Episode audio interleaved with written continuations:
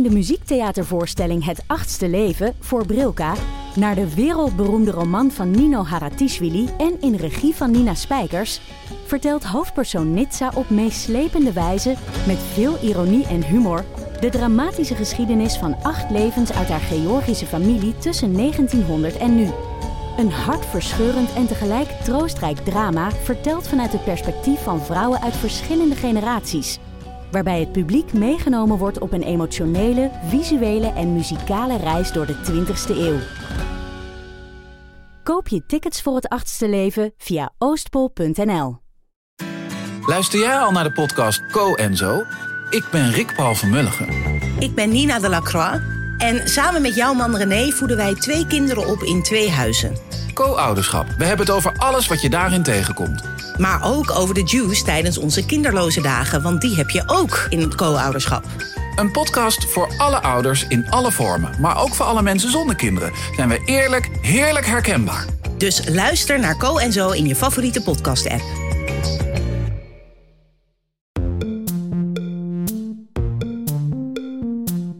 Hallo daar, fijn dat je luistert naar Boeken FM, de literaire podcast van Dasmag en de Groene Amsterdammer. Wij nemen op in de studio van Dag en Nacht Media. Wil je nou nooit meer een aflevering van ons missen?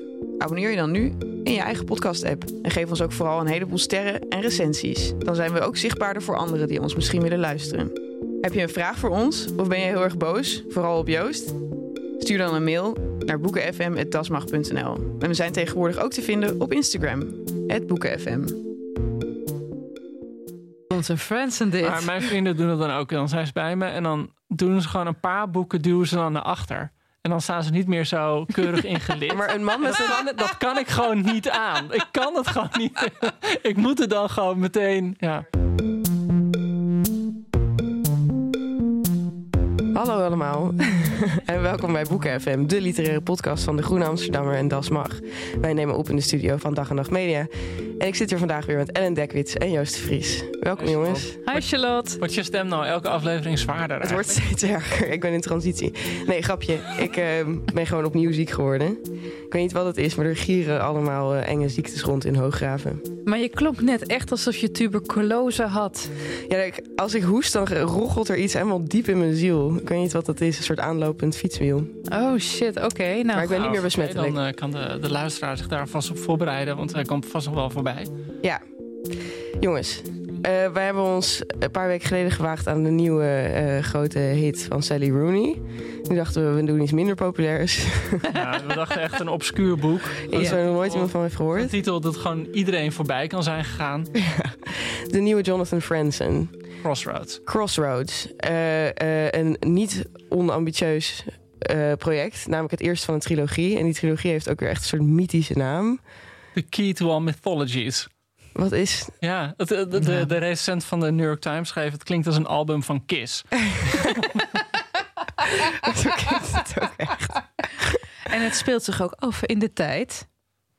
waarin Kiss toch ook opkwam, nietwaar? Ja, zie je, kijk, daar is, kijk, daar is die roggel. Ik zal weg van de microfoon doen voor we gaan, je, we gaan je nu Tyfus Marie noemen, gewoon. De hele middag verder. Ik denk wel. We kunnen ook vragen of Merel zo'n geluidseffect erin zit. Dat het gewoon elke keer een toeter is. Maar ik denk wel dat als ik in een andere tijd was geboren, dat ik dan heel bevallig aan consumption was gestorven. Ja, je was al lang, ja, al lang dood, toch? Ja, je, je zag de beeldschoon uit in de kist, want super slank. Ja, maar... zo'n teringleier die ja. er gewoon echt helemaal goed uitziet. Dat had ik. Uh... En ik had nu een klein Aziatisch land uh, onder controle. Ja, absoluut. Alleen al door gewoon er zo uit te zien. Door er gewoon te zijn. Merel is er nog steeds niet bij voor de luisteraars. Ze is echt eindeloos op vakantie. Dat is wel gênant. Het is haar gegund. Volgens mij werkt ze harder dan uh, wij allemaal. Nou, aan de podcast in ieder geval. Ja, ja, zeker. Ja. Merel. Volgende keer ben je er weer bij, toch? Wij lopen een beetje te keten en jij loopt dat te monteren. Goed, lieve jongens. Jonathan Franzen. Laten we eens eerst kijken van wie is dat? Wat maakt hij? En als er één iemand is die ons dat uitgebreid kan vertellen, is het wel, daar zit hij hoor, Joost de Vries, de Nederlandse Jonathan Franzen. Kijk nou hoe die glundert. De man met de grootste voorliefde voor uh, grote mannen, dat ben jij wel. Ben ik dat? Oh, ja. Nou, uh, Joost, wat weet jij over Jonathan nou, Franzen? Nou, Ellen, oh, we gaan lang. We go way back. Nee, wat, wat natuurlijk het grappige is van Jonathan Franzen, dat, dat hij debuteerde uh, begin jaren 90 met, met twee boeken, Strong Motion en The 27th City. dat waren boeken die wel opgepikt werden en ook wel besproken werden, maar niet echt groot succes. Het waren best wel postmoderne boeken en best wel ja, van die boeken die honderdduizend dingen over de wereld wisten en allemaal grote academische theorieën bevatten. En, en eh, de, de 20, uh, 27th City ging over aardbevingen in steden die dan werden opgewekt door wetenschappers. Gewoon best wel ver gezocht. Een beetje Don DeLillo, een beetje in de categorie Don DeLillo, Thomas Pynchon. Dus echt dat harde Amerikaanse postmodernisme. En welke generatie? Hij is uit 1959. Ja, dus van David Foster Wallace. Dave Kijk Foster Wallace was, Charlotte. Ja. was een van zijn betere vrienden, inderdaad. Dat Ah. was echt in die tijd waren die heel. eh, te- na, dat, na de dood van, van Foster Wallace komen we misschien straks op. bij, Heeft hij een heel mooi, heel boos essay ook geschreven over de, de zelfdoding van eh, Foster Wallace. Maar goed, in ieder geval, halverwege de jaren negentig kreeg je dus wel een idee van de cultuur verandert. Mhm. Eh, literatuur heeft niet meer het primaat dat het ooit had. TV komt eraan. Eh, Waren die twee boeken ook succesvol trouwens? nou, Nooit ja, van gehoord, succesvol- namelijk. Nee. nee, je kan ze ook echt niet meer in de gemiddelde boekhandel krijgen hoor. Dus die waren niet heel succesvol. Ze werden wel opgepikt in de zin dat ze besproken werden. Goed op, maar besproken? mm, ook niet per se. Gewoon Oh. dat, dat, dat hij ook wel een beetje werd gezien als een epigoon van Pynchon en DeLillo, van die, van die roemrijke voorgangers. Het is wel interessant, want hij, als je dat nu beschrijft, wat voor, hoe die boeken waren, dat klinkt echt bij de lange na niet als Friends en... Nee, nee, Nee. nee, nee, helemaal niet. En toen ehm, had hij half jaar 90 had hij een soort van, van brainwave. Toen heeft hij een essay geschreven, dat, toen ook, dat stond in Harper's. Dat heette Imperial Bedrooms, als ik het goed heb. Eh, en dus later in een van zijn essaybundels opgenomen, weer met een andere titel. Dus, dus als je het niet kan vinden, ligt het volgens mij daar. En daar zei hij eigenlijk van de roman moet iets anders doen. En dat was eigenlijk het idee van de, de romans moet ook een soort Dickensiaanse kwaliteit krijgen. Dat het ook terugkeert naar de maatschappij. En gewoon een breed verhaal vertelt en er niet omheen wint. En eh, En hij zei daarbij dat het verhaal ook weer moest gaan entertainen. ja, er moest een entertainment in zitten. Het, het mocht niet naar navelstaderig in zichzelf gekeerd zijn. Is dat dat nieuwe realisme waar Zadie Smith ook een onderdeel van is? Mm, nee, dat is niet nieuw realisme. Hij is wel een keer geschaald onder eh, hysterisch realisme. Maar dat is weer wat anders. Ja, dat was James Wood over Ja, dat is James Zadie Wood, Smith, ja, over toch? Zadie Ja. Smith. Maar toen nam je ook Jonathan Franzen en andere schrijvers mee. Dat, was, en dat, dat, dat hysterisch realisme, dat was een term die eigenlijk meer voor zijn eerste twee boeken van toepassing waren. En dat, dat beschreef James Wood, dus de criticus van toen de New Republic, nu de New Yorker. Waarin zei van dat zijn boeken die honderdduizend dingen over de wereld weten en niets over het leven. dus van die, van die boeken die vol zitten met grappen en met gekke plotlijnen en met onwaarschijnlijke gebeurtenissen en heel veel informatie. Heel erg dat de schrijver laat zien van kijk eens wat ik allemaal weet, maar uiteindelijk niet over mensen gaat. En Franzen had op dat punt had hij echt bedacht van ik moet weer de mens opzoeken. En hij wilde, want dat is ook belangrijk. Hij, wil, hij, hij had het ook over het feit dat de literatuur steeds meer concurrentie kreeg van televisieseries, Ja, van het interwebs, De van de film, van Ja. interwebs. Dus hij dacht ook van, we moeten het entertainmentgehalte van boeken echt omhoog gaan schroeven. Ja, en laten we wel wezen, al die postmodernistische verhalen, ja, dan eh, moet je toch eerst wat amfetamine op hebben voordat je daar even lekker Ja, op... of, eh, ja, Kreeg je wel trek in trouwens, dankzij dit door boek. dit boek. Ik had zo'n zin in drugs door dit boek. Mijn Prozac was echt niet meer voldoende. Gaan we het zo meteen lekker over hebben. Terug naar jou, Joost. en toen schreef hij The En die kwam, eh, dat was inderdaad echt zo'n hele grote familieroman. En dat ging over eh, de Lamberts, vader en moeder. En de moeder had eigenlijk nog maar één eh, uit, uit het Midwest. Waar hij zelf ook vandaan kwam, behoorlijk autobiografisch. Maar heel goed gecamoufleerd boek. Zo'n zo'n dikke pil over eh, vader, moeder. Vader is aan het dementeren. Moeder wil nog één keer de kinderen bij elkaar krijgen. Voor One kerst. Last Christmas. Ja, One kerst. Last Christmas. En die drie kinderen zijn alle drie op hun eigen manier ontspoord. Eentje, eh, de, de, de dochter is chef-kok geworden, heel ambitieus. Weet eigenlijk niet zo goed hoe ze haar privéleven in haar ambitie moet passen. Aan de ene kant heb je eh, de oudste zoon, die is. eh, ja, die, die werkt in de- Weggestuurd. ja, weg, maar die werkt in de financiële sector. En die heeft een hele ambitieuze vrouw. En die zit ook weer zo helemaal vast in, in dat, ja, dat typisch Amerikaanse consumentistische leven. En dan heb je nog de jongste zoon, Chip. Die vond mega een MeToo'tje toen het nog geen ja, MeToo'tje toen het nog heette. geen MeToo'tje heette. En, en het boek begint ermee dat hij eh, zijn script aan het redigeren is. En dat hij dan aan het, aan het, eh, op in zijn computer kijkt naar alle keer dat hij borst heeft, borsten heeft getypt. En dan krijg je zo'n eindeloze lijst hij eigenlijk een heel script heeft geschreven over de borsten van de, van de actrice. Eh, en, en van de vrouw die hij heeft lastiggevallen. Want hij gaf les op een universiteit. Hij viel een studenten lastig. En het is een knotsgek boek, The Corrections. Het gaat over Amerika. Ze noemden het toen ook wel The Great American Novel. Het ehm, was een succes. Nou ja, en, en eh, de, het heette de correcties.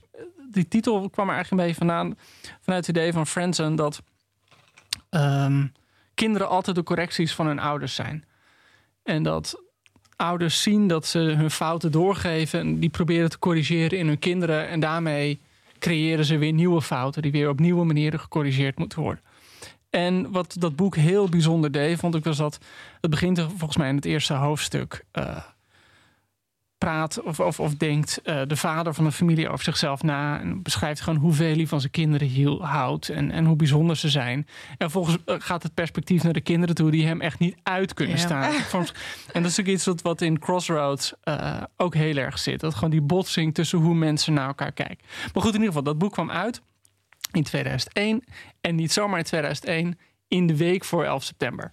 Ervoor? De week ja. ervoor, ja. Okay. En um, het gekke was dat het met dat boek, en zo werd het ook, het kreeg lyrische besprekingen, ook voor 11 september. Maar na 11 september betekende, veranderde de betekenis van het boek meteen. Opeens werd het gezegd, oké, okay, we zijn nu in Amerika een nieuwe fase ingegaan. En dit boek is de grote Amerikaanse roman over hoe het was. Oh, dit is ons afgepakt. Ja, dit, was, ja, dit is gewoon de jaren negentig. Zeg maar. dit, is, dit is echt het boek van het einde van de geschiedenis.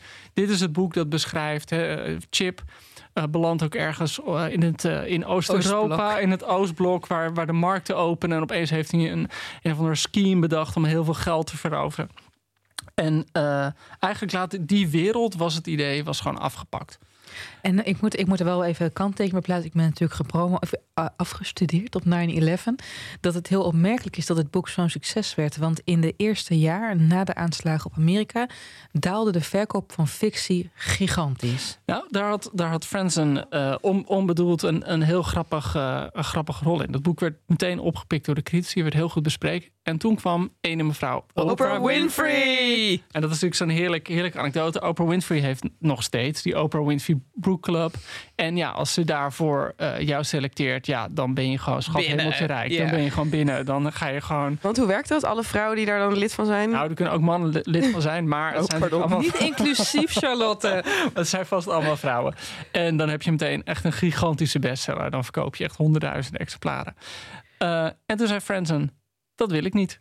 Ik vind en dat, dat was zo'n meteen, meteen een rel. En, en Franzen die, die legde het wel goed uit. Dus zei van ja, dan komt er gewoon zo'n grote sticker op van Oprah Winfrey's Book Club. En hij zei van, kijk, literatuur is voor mij een kunstvorm. Het staat los van uh, de, de, de, commerciële cultuur.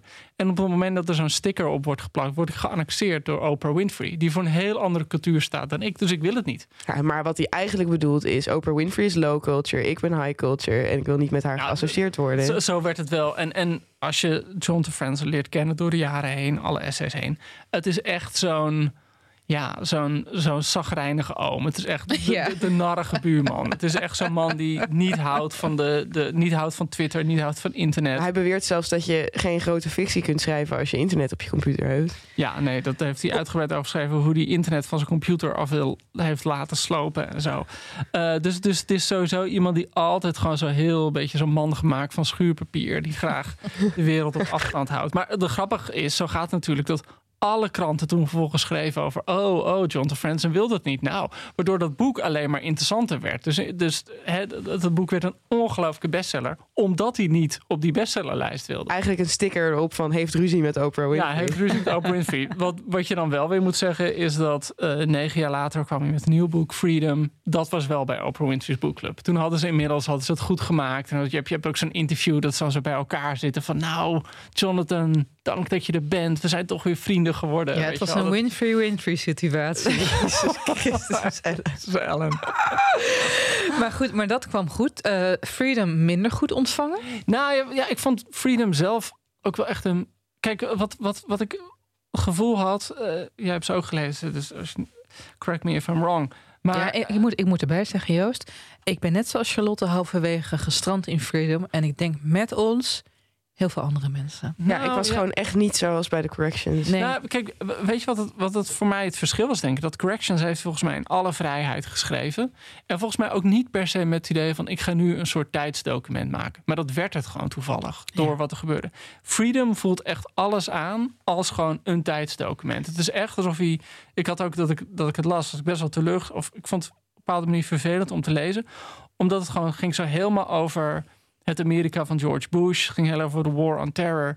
En eigenlijk al die onderwerpen en ideeën die de jaren daarvoor in alle opiniekaternen en alle kranten was tegengekomen, had hij verwerkt tot een boek. En misschien omdat hij net te veel was gefeliciteerd met zijn scherpe blik in de Ja, corrections. dat was het. Dus en op- hij werd meteen geclassificeerd naar de corrections, ook als Great American ja, nee, dat, Novelist. dat, dat Freedom uitkwam, stond hij dus echt een van de laatste schrijvers eh, die gewoon echt op de cover van Time Magazine stond. eh, met van the- The Last Great American Novelist. Weet je wat ik heel grappig vind? Hè? Er is in der tijd is er, kwam toen ook een ander boek uit dat Fransons boek op allerlei vlakken versloeg. Namelijk, weet je welk boek ik bedoel? Welk jaar was dit? Oh ja, eh, 2010. Dus dat is A Visit from the Goon Squad Ja. van Oh, Jennifer Egan. Geweldig, ja. Een van mijn lievelingsboeken. Mij ook. Ik heb het echt, nou, ik denk vier, vijf keer Maar dat gelezen. is natuurlijk eigenlijk de dood van de dood van de grote witte Amerikaanse man. Dat novelist is het, dan, dat is toch? het, dat is het. En die kwamen in hetzelfde jaar uit. Die waren ook voor heel veel prijzen genomineerd. Nou, eh, Visit from the Goon Squad, die pakte de Pulitzer mee en nog een heleboel andere.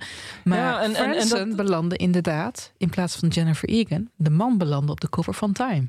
Ja, maar dat is natuurlijk ook omdat Franzen al zo beroemd was en Jennifer Egan nog niet, denk ik. Maar dat, dat, het is inderdaad heel grappig, die botsing. Omdat het ook... Purity en Manhattan Beach kwamen ook in dezelfde week uit. Is dat zo? Ja, en... ehm, Manhattan Beach ook een boek de De van tweede van Jennifer Egan. eh, Ja, nee, vijfde of zesde Maar, zo, maar maar- inderdaad wel de, de, de roman na het grote Ja. succes. En het was eigenlijk zo, jongens, en dit vind ik jammer. eh, haar nieuwe roman stond voor november 2021. Echt waar? Ja, Dat echt zijn helemaal Echt hetzelfde waar. schema. Maar hij is nu naar voorjaar 2022. eh, Ja, snap ik wel. jammer, ja. hè? Ze zijn echt tegen elkaar op aan het schrijven. Ja, maar dit is net zo, dit is net zo'n mediasex dat, dat, dat, dat Koch en Kluun eh, tegelijkertijd Ja, ja. een boekje uit hadden. Maar wat wel interessant is aan de- dat contrast Jennifer Egan en eh, Jonathan Franzen is dan is dat zij echt heel expliciet iets postmoderns aan het maken was met Ja. niet, niet, niet het is wel ook een verslepend familiedrama, maar veel compacter en veel meer ja, hoe noem je dat? Ja, excentriek of zo. Oh, ik, ik vind het juist veel wijdser, omdat het echt in de toekomst, in het verleden zich afspeelt. Heel veel, perso veel meer personages Nee, kijk, dan eh, bij Freedom. op een gekke manier is inderdaad een Visit from the Goon Squad gewoon eh, misschien wel veel wijdser panorama. En misschien wel veel echt eh, een verhaal dat meerdere generaties omspant, dat zich op meerdere plekken afspeelt. muziekindustrie. Cultuur, ja. En had je ook nog eens in Freedom dat het ging eigenlijk over drie personages. Eh, een man, een vrouw en zijn beste vriend. En die was ooit haar minnaar. Die ook een muzikant was. Eh, net als, als, als Jennifer Egan. En, maar goed, dat, dat, ik vond Freedom vond ik dus echt een slag minder. Want dat, dat was echt een soort van journalistiek proza was het bijna. Ja. Alsof hij te veel bezig was van... En daarna kwam hij nog met Purity. En dat Ja. was echt bij niemand een hit volgens Ik mij. vond dat zo'n suf kuttig boek. En eh, het, is ook weer, het is ook weer zoiets, jongens, dat het nou niet kuttig, want dat lijkt alsof ik vrouwen daarmee afval. Maar gewoon, meisje is geboren, een beetje mo- single mom, allemaal gebeurtenissen met de Duitse statietijd. Ja, Het boeide totaal niet. Het boeide gewoon, het was echt coma-tueus effect. ja. Het heeft ook veel minder verkocht. Nee, het was veel- echt een flop voor, voor Fransons. eh, Want Freedom doen. bijvoorbeeld, die heeft iets van 140.000 exemplaren verkocht in Nederland. Maar ik vind zo, oké, dit is misschien een hele rare vraag, maar de buzz hè, rondom dit soort boeken, want. Franzen heeft een hele grote naam. Ik wist van Purity al dat het kut zou worden voordat het verscheen. Ik heb het ook nooit gelezen. Hoezo wist je dat al? Ja, weet ik niet. Dat werd al gezegd de hele ja, tijd. ja. En de mensen die het dan voorspiegelden, nou, de, de nieuwe Friendsen komt eraan, maar het wordt kut. Ja. Eh, en de recensies die volgden dat dan ook. En dan, dan lees je het dus niet meer. En hetzelfde is nu met Crossroads gebeurd eigenlijk. Iedereen had het er al over en, en dit schijnt echt een goede te zijn. Nu vindt iedereen het ook echt geweldig. Ja. En ik vind het ook geweldig. Maar vraag ik me af van, heb ik me laten leiden door... Wat je benoemt is een term die de Franse socioloog Pierre Bourdieu muntte als orchestratie. En dat is niet meer minder dan een menselijke neiging om elkaar na te bouwen als het gaat om een mening. Zeker over zoiets waarbij je een buil kan vallen wanneer je de verkeerde mening hebt en tot dom kan worden verklaard als bij literatuur. Ja. Maar is het dus uitsluitend de bus? Of is, er gewoon, is dit gewoon echt Nou ja, veel beter nou, dan ik- Purity? Ik, ben, ik, weet, ik weet niet of ik het per se met je eens ben bij de bus. Want zeg maar, toen The Corrections uitkwam, was hij gewoon nog een jonge, hippe eh, schrijver. En nu is het een soort van de grote meneer van de Amerikaanse letteren. Eh, die alleen al door dat gegeven dat hij dat is. Gewoon ook door heel veel mensen met een nek wordt aangekeken. We, we hebben zometeen zouden we het nog uitgebreider hebben over een stuk in Boekforum. Dat verscheen Boekforum een heel fijn eh, tijdschrift vol besprekingen. En daarin beschreef de recensent van ja. Wie was de recensent? Ja, shit, ben ik zijn naam even vergeten. Maar ook iemand die lesgeeft aan een universiteit in Amerika. En die zei van, als ik aan mijn studenten over John Franzen begin... dan gaan ze gewoon cringen. Dan zeggen ze, oh nee, dan heb je die, die rijke oude witte man. Eh, ja, dat, dat is gewoon heel ver van... En, Dus ze stonden ook wel klaar om Purity kapot te maken. of nou, Crossroads. Of Crossroads. Ja, Ja, Ja, oké. maar, maar dat vind ik dus ook wel grappig als je het nu over Crossroads hebt. Dat in die twintig jaar tijd, sinds The Corrections, is de literatuur zo veranderd van onderwerp en vorm. Dat zeg maar twintig jaar geleden zou Crossroads een redelijk conventionele roman zijn. En nu voelt het gewoon als een unicum aan. Ja, bijna retro. Ja, bijna retro. Dus nou, in ieder geval, misschien is dit het bruggetje dat we het over De Crossroads inhoud. moeten hebben. Hoe heet het in het Nederlands? Is de Kruispunt. vertaler. Kruispunt. Eh, ja, we, we pakken even de vertaler erbij. Het zijn er meerdere trouwens. Ja. Eh, vertaald door nee, Peter Abelsen. Nou, Peter, je hebt eh, hard doorgewerkt. Ik heb het niet in het Nederlands gelezen. Was het goed vertaald? Er zaten anglicismen in. Ehm, het is uitgegeven door Prometheus. Ik kan me indenken, ik kijk even naar Joost, eh, dat er haast achter zat. Eh, Nee, de is- eindredactie is niet goed geweest. Ah, ik heb oké. er meerdere taalspelfouten uitgehaald. Oei. Dus Oei. Job Lisman, als je dit luistert, eh, mail mij even, want ik heb ze op de pagina zelf aangegeven. Het was slordig. En dit is een tweede druk die ik heb gelezen, nota bene. Oef. Maar goed, hey, Crossroads. Laat ik het. Waar gaat Crossroads over, lieve luisteraar? Want u heeft dit boek natuurlijk totaal nog niet gelezen en spartelt van ongeduld en nieuwsgierigheid naar de inhoud. Ik zou dit boek willen klassificeren als The Nightmare Before the Night Before Christmas. Want wat is er aan de hand? Op 23 december 1971 begint het te sneeuwen en zijn er vijf leden van het zeskoppige gezin Hildebrand op het punt om een verandering in hun leven door te maken. Ze, hebben een, ze zijn allemaal op hun eigen manier sensatie verslaafd. Zoeken ze de afleiding van hun treurige bestaan niet in liefde, dan wel in het veroveren van mensen die al lang bezet zijn of drugs.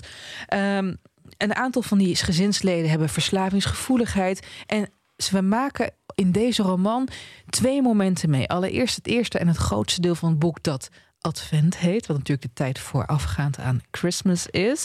En bijna alle personages die hebben daarin een soort Alice in Wonderland-achtige trip, waarin zich allemaal gebeurtenissen voordoen die bepalend zullen zijn voor de rest van het leven. En wat ik ook heel grappig vind, hè, op die avond lijkt het ook alsof ze massaal dat Veritas serum uit Harry Potter hebben Ja, gehad. ja, Ja, ja, ja. Want iedereen is opeens ja. heel erg Er eerlijk. komt, er komt in, en ja, al, die, al die relaties tussen die familieleden komt op een gegeven moment een soort van moment van de waarheid. Van pap, nu ga ik je vertellen wat een lul ik je altijd heb gevonden. Precies, precies dat. Dat is dus eigenlijk de eer, nou, laat ze- het eerste vijf, vier, vier vijfde deel van het boek. En daarna komt nog een deel genaamd Pasen. Waarin we de achtergrond van een van de andere personages wat meer krijgen. En eigenlijk best wel een brave afwikkeling van de gebeurtenissen die in de eerste deel worden opgeworpen. En weet je, lieve luisteraar, wij hadden het van tevoren eigenlijk over hoe je zo'n moloch van een boek goed kan bespreken. Eh, jullie hebben nu een idee van wat er gebeurt. Laten we het per personage bespreken. Dan komen we een heel eind, toch jongens? Ja, Ja. Dus het hoofd van deze familie is de predikant Russ Hildebrand. Die niet alleen door mij, maar door alle andere recensenten... als een beetje een soort lulletje rooswater wordt beschouwd. Hè? Hij heeft het allemaal net niet. Het is echt zo iemand waar je gewoon 30 keer overheen kan lopen. Joost, ik zie je meteen al... hij had het. Dat Hij had het wel, Hij ja. had het. Hij, Had het. Ooit was hij zeg maar de knappe man. Hij is ook nog steeds een knappe man. Hij is, een- kijk, hij, hij, het, is, het enige is dat hij is zo idealistisch in zijn geloof. Hij altijd maar mensen wil helpen of zo. Terwijl wat hij eigenlijk het allerliefste wil, stiekem in het duisterste van zijn hart, is populair zijn. En dat is hij nooit geweest. Dat is, dat is eigenlijk zijn, zijn, wat iedereen aan hem ruikt of zo. Waarom hij zo'n sukkel blijft. Ja, en, en, en, eh, dan krijg je ook meteen, kom je bij de kern van wat zeg maar zijn grote, eh, ja, zeg maar de, de, de bijl die zijn hout in twee heeft gehakt, is een confrontatie die al meteen in het begin de hele tijd wordt benoemd als zijn grote vernedering. Het wordt echt heel de vernedering, sinds de vernedering, sinds de vernedering. En het duurt echt uh, 100 bladzijden, 150 voordat je daar bent. En dat is dus inderdaad dat, dat er op die, die, die geloofsgemeenschap waar je bij zit, is op een gegeven moment een ja, hoe moet je dat Jeugd, zeggen? Een jeugd, diaken. een jeugd, ja, een jeugdclub. Diaken, ja, ja. eh, eh, opgericht, Kruispunt heet die. Crossroads in En Amerikaans. eh, ja, Crossroads. En ja, een soort van, van jaren zeventig zelfhelp. Een beetje religie, een beetje, beetje Sociaal, stoer, maatschappelijk beetje sociaal, werk. Beetje maatschappelijk. spelen. ja, ja, hippie. ja. Dat. 71, hè? Dus en hij, hij dacht altijd, ik ben de populaire leider van die groep. Ik ben vlot. Ik, ben- spreek ja, oh, jongere taal. Ja, inderdaad. Dat is het de allerpijnlijkste er is. En dan komt er een andere, een andere pastoor komt erbij, Rick. Rick Rick Ambrose. En, dat is, en die is dan wel populair. Dus een man met een snor en met gewoon Lang haar, jeans en zo, bakkenbaarden, ja. En dan Hij wil minder geloof, hij wil minder religie. Ja, en, en, en eh, eh, Russ wil inderdaad gewoon graag lekker uit de Bijbel citeren en preken geven en gewoon zelf het woord nemen. Terwijl die Rick veel meer is met die kinderen laten praten en met elkaar. En jongeren, hè? en jongeren, ja, met, met elkaar eh, muziek laten maken. En dan uiteindelijk komt dus de grote vernedering, wat ja, echt hartverscheurend is om te lezen. Dat inderdaad die kruispunt met z'n allen besluit dat ze niet meer met hem willen. Dat hij, echt, hij wordt als het ware, hij wordt gewoon van het eiland afgestemd. Bij het is gewoon van eilandraad. spreken. Het is echt Maar gewoon- de tieners willen Rick dus, of Russ dus niet meer, lieve Nee. luisteren. Dan zijn ze met z'n allen op een tripje in Indianenreservaat. Of hoe noemde jij dat nou laatst helemaal woke? Een eh, oorspronkelijke Amerikanen plek, Charlotte. Nee, goed. Iets, eh iets dat ik wel je boze mails over krijgen as usual. Maar goed, hij wordt dus ook voor het oog van zijn tienerkinderen, die ook mee zijn, vernederend, vernederend, wordt hij weggestemd. En wat nog pijnlijker is, hij blijft gewoon zitten ja. waar hij zit. Dus hij weet dat mensen hem niet moeten en hij blijft bij de jeugdclub zitten. Terug naar jou, Joost. Oh, nou, dit, dit, dit was dat. dat en, en eigenlijk tref je hem op een moment dat hij is getrouwd met Marion. En Marion, daar schaamt hij zich ook wel op een bepaalde manier voor. Is wat zwaarder geworden, die is ook 50 en hij vindt het niet aantrekkelijk meer. Hij is dus drie jaar ouder dan Ja. hij. En, maar gelukkig is er nu iemand anders die hij wel aantrekkelijk vindt, Francis. Dat is Jonge weduwe. Jonge weduwe. Habba, habba. En die neemt hij mee op die, die dag voor de dag voor kerst. eh, naar een zwarte wijk waar ze dan een soort van gemeenschapswerk doen. En daar krijg je al meteen, meteen op de tweede bladzijde of derde bladzijde is het zo. Dan draait hij, wat draait hij nou voor muziek ook alweer? Ja, ik weet niet. Maar Nou goed, in ieder geval, ze, ze draait iets van bluesmuziek of zo. En eh, ze Oh, zegt, ja. oh, leuke muziek. En volgens gaat hij er niet alleen cultural, gaat hij zelf die muziek cultural appropriate, maar gaat er ook op de allerergste manier mansplainen. Hij gaat toch ook zo, hij zegt toch zo van wij zullen nooit voelen wat deze mensen die deze muziek hebben gemaakt. Oh, ik vond het zo cringe. Maar ik geloof hem meteen. Ja. weet je wel. Het is echt zo'n gast. Elke Hij- vader is zo. Ja, hij is een beetje een love-to-hate personage. En hij is ook iemand die is opgevoed met het idee... dat hij komt echt in een hele strenge geloofsgemeenschap... dat de man uiteindelijk de hoofdpersonage van het leven is. Maar de bijfiguren, wat hij dan bijfiguren zit... Die, die zijn allemaal anarchistisch. Die geven hem helemaal niet de spotlight. Maar dat is inderdaad, de- volgens mij zeg je het precies goed. Hij leidt aan een soort hoofdpersooncomplex. En, en Ja, hij, absoluut. gewoon- hij, hij denkt van, ik ben de man die het weet. En ik hoor het woord te voeren. Heeft en, hij niet letterlijk een moment dat hij beseft dat Frances een mens is? Zeg maar, hij gaat voor het eerst naar haar huis. en dan ziet hij haar in zeg maar casual kleren. Ja, en dan ja, ja. daalt het op hem neer dat zij ook bestaat als hij er niet is. Ja, hij heeft zo'n en hij is ervoor 50 en dat beseft hij dan voor het eerst. Ja, ja. Echt crazy. Ehm, maar goed, ja, dus, dus, dus aan de ene kant heb je dat. Aan de andere kant, ja, welk personage zullen we nu doen? Marion, zijn vrouw. Nou, dat is, dat is mooi. Marion is opgegroeid met allereerst een vader die, die belegde, die steenrijk was. Maar ja, een beleg is ook een vorm van bipolaire stories. En dat heeft die vader dan ook. Dus Ja. het gezin raakt door al dat speek, gespeculeer echt aan lager wal. Vader doodt zichzelf. En zij blijft over om voor haar nogal self-centered mam te zorgen. En haar zus Shirley, die gewoon op een gegeven moment tabé zegt... en actrice gaat worden in New York, want dat is een slim plan. En zij is echt de enige die in de jaren 50 dat dit zich afspeelt... Ja. dat goede idee heeft. Nou, Marion, die eh, is wat labiel... en die krijgt op een gegeven moment een relatie met een man... voor het autobedrijf waar ze werkt. Die man is getrouwd, Ja, dat is ook echt zwanger. gewoon de ene rode vlag naar de andere rode vlag. Allemaal is dat? rode vlaggen. De enige rode vlag die dus niet uitgaat is bij Ja, Marion. Want ze van raakt Marion super zelf. in verwachting van die gast. En zij ontvlucht hem. Hij dumpt haar. Zij ontvlucht hem. Ze gaat naar een soort abortuskliniek... waar een griezelige man die op de kerstman lijkt... Ja. haar op kerstavond helpt met de abortus... in ruil voor wat viezele vroezelen. Ja. Wat ze dan eigenlijk heel vreselijk vindt. En daarna belandt ze in een inrichting. Het is eigenlijk een beetje het klassieke Sylvia Plath troopje wat ik hier zag. Je hebt een vrouw die de eigen gedachten heeft, die zich jarenlang eerst heeft weggecijferd, dan toch te intelligent is om dat te blijven doen. Ze belandt in een inrichting, gaat daarna bij een oom wonen en daarbij besluit ze om katholiek te worden. En daar wordt ze echt door gered. Dus Ja. ze heeft een hele obsessieve persoonlijkheid. Ja, en ze zeker. Ja. bezwijkt vaak aan gektes. ja. Die, die, hoe beschrijft zij die zelf ook alweer? Als een soort wegglippen. Ze ze zich een hele dag niet herinneren. Ja. En, ehm, maar zij wordt dan eigenlijk gered door zich helemaal over te geven aan dat katholieke geloof. En wie is er op dat moment In de buurt. in de buurt? Is onze lieve Russ. En daar kennen zij elkaar van. Maar misschien- nog. ja, ja, zij is natuurlijk alweer een soort vrouw van de wereld. Ze is drie jaar ouder. Ja. Ja. Maar na deze soort van magische ontmoeting... waar ze eindelijk zichzelf kan zijn bij een man die niet iets vreselijks van haar wil... zakt ze eigenlijk weg in dat moederschap en Ja. vervaagt ze op de Ja, en, achtergrond. Ze en, en wordt zij gewoon inderdaad gewoon heel dienstbaar aan Russ. En ze helpt hem met zijn preken schrijven en met zijn onderbroeken wassen. En gewoon zo'n relatie. En eigenlijk Terwijl zij eigenlijk slimmer was dan hij. En dat beseft ze altijd heel acuut. Soort van, dat zit heel hoog in haar hoofd. Maar ze leeft voor hem. Maar ze weet dat zij slimmer is en meer waard dan hij. Dat is het pijnlijke aan die twee. Ja, en, en wat we erbij moeten zeggen is... deze roman gaat heel erg over geloof.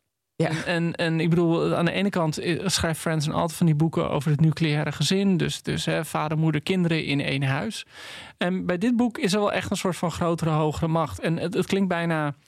Ja, het, het is natuurlijk heel erg niet meer van deze tijd... om zo met geloof bezig te zijn. In, zeker niet in zo'n boek. Maar al die personages zijn dus op een kruispunt... haha, titel...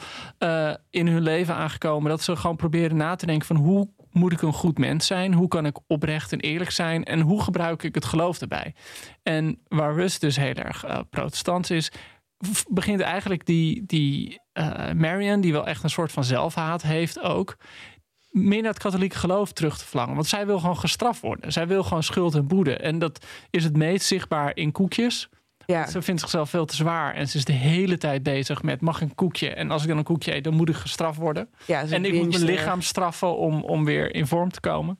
Dus Marion en wanneer Marion en Russ samenkomen, vertelt ze wel dat ze geen maag meer is, maar ze verzwijgt die abortus. Ja. En dat zal ze ook nooit aan hem toegeven, maar dan heb je meteen die scheefstand al. Het ge- en dat is heel Frenzeniaans. Je hebt allemaal geheimen voor de mensen die het dichtst bij je zijn. Nou goed, Marion heeft aan het begin van de roman ook al lang wel door dat Russ een oogje heeft op een mooie, knappe weduwe uit de congregatie. Wat Russ dan weer niet van Marion weet, is dat zij stiekem allereerst een deel van de erfenis van haar zus, die bedoeld was voor haar kinderen, achterover heeft gedrukt om daar, wanneer ze tegen hem zegt van ik ga naar mijn vriendinnen, eigenlijk bedoelt ik ga naar mijn psychiater en daar sessie na sessie mee afspreekt. En op die avond van 23 december heeft ze een twee uur durende sessie waar ja, een psychiater zegt, oh wat hebben we hebben een doorbraak.